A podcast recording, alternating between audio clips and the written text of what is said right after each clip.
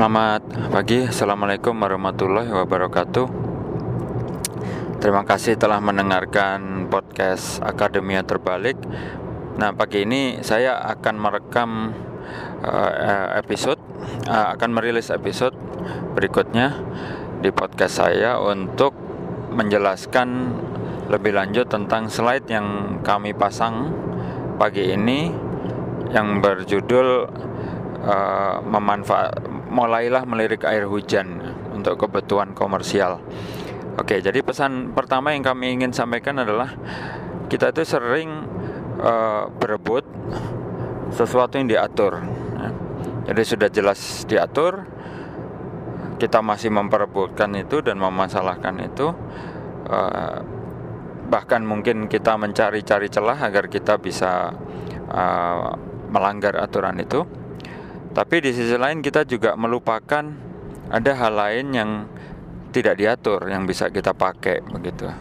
Nah, dalam konteks air eh, kita sangat tahu bahwa untuk membuat sumur, untuk mengambil air tanah, kemudian untuk mengambil air permukaan ya.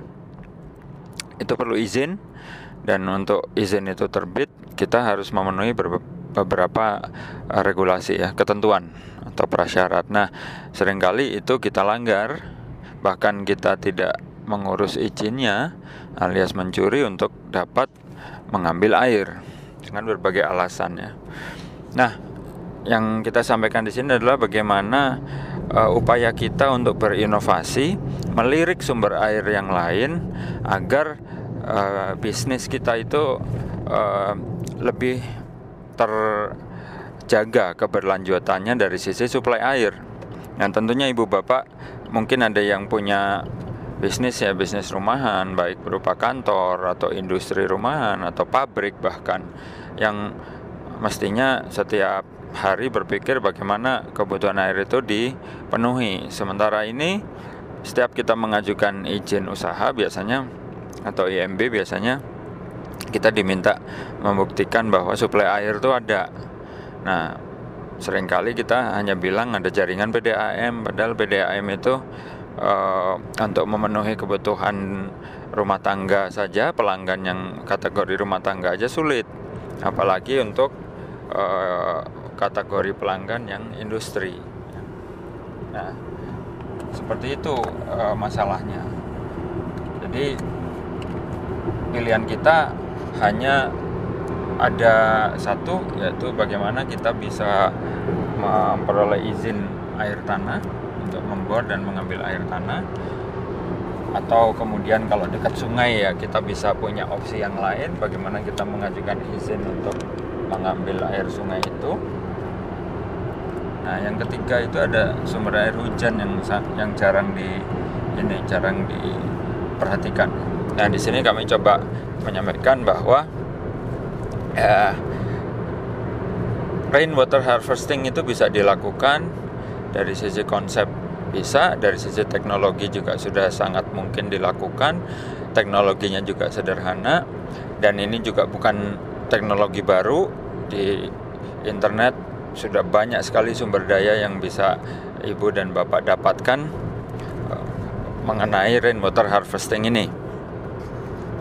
Nah, kami berdua di sini hanya ingin memperkuat atau mengamplify ya, ide ini agar lebih banyak lagi orang tahu dan akhirnya mencoba untuk melaksanakannya. Jadi intinya kita hitung uh, potensi air ya, salah satunya air hujan yang ada dalam satu uh, cekungan air. Satuannya biasanya daerah aliran sungai ya. Dan kemudian kita coba terjemahkan menjadi berapa potensi hujan yang bisa jatuh di area uh, misalnya pabrik gitu. Dan kemudian berapa yang potensi yang bisa jatuh di atas atap dan berapa yang kemudian bisa kita kumpulkan dalam bentuk tandon begitu ya. Dalam suatu tandon apakah tandon itu ada di permukaan atau di bawah permukaan persis seperti saat kita akan membuat SPBU gitu ya pom bensin dan tangkinya ada di bawah tanah. Nah, apakah seperti itu? Atau lebih inovatif lagi kita buat atapnya itu dual function.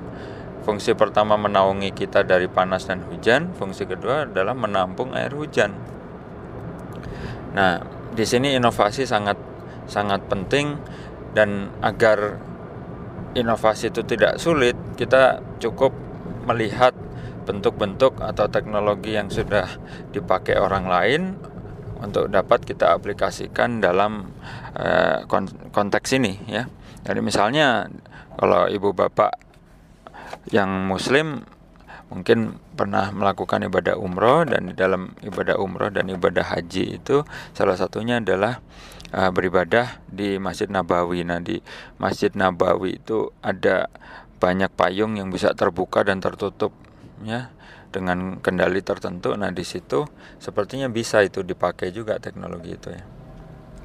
Jadi payung terbuka pada saat hujan fungsinya untuk mengumpulkan air sebanyak-banyaknya gitu atau kita balik konstruksi atap yang tadinya mungkin bentuknya kerucut ya sempit di atas dan melebar di bawah menjadi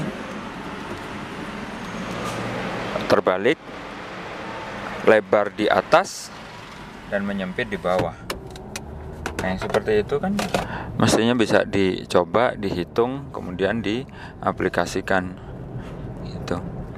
Atau menggunakan cara lain misalnya selain tadi ya menampung hujan yang masuk ke wilayah kita bisa juga mengundang partisipasi warga sekitar untuk menampung air uh, dari atapnya masing-masing untuk kemudian mungkin kita beli saja begitu.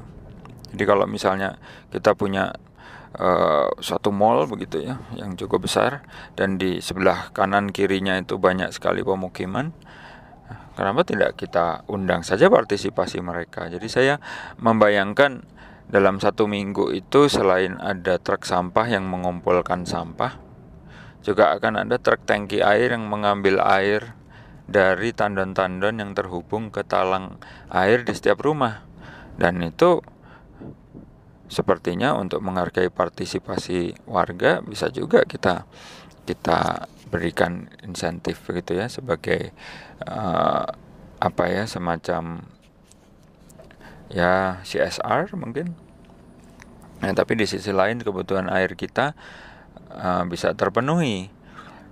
Pastinya tidak semua kebutuhan air bisa terpenuhi dari air hujan terutama untuk industri-industri yang proses produksinya sangat perlu air. Ya itu tidak mungkin. Ya kan? Nah, eh, penampungan air hujan di sini sifatnya hanya sebagai komplementer saja. Tapi di sisi lain juga dalam satu industri atau usaha itu akan ada kebutuhan domestik juga kan untuk kebutuhan kamar mandi mencuci uh, apa infrastruktur ya mencuci kaca gedung misalnya mencuci kendaraan misalnya dan itu kan bisa dilakukan ya bisa di apa namanya di air hujan itu dipakai untuk itu ya ada banyak contoh yang lain sebenarnya yang inovatif ya.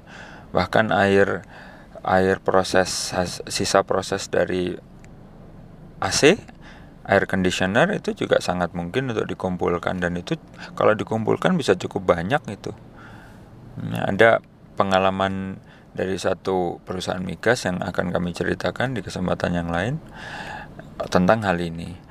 Baik, jadi uh, penjelasan lebih lengkap bisa dilihat di slide tentunya.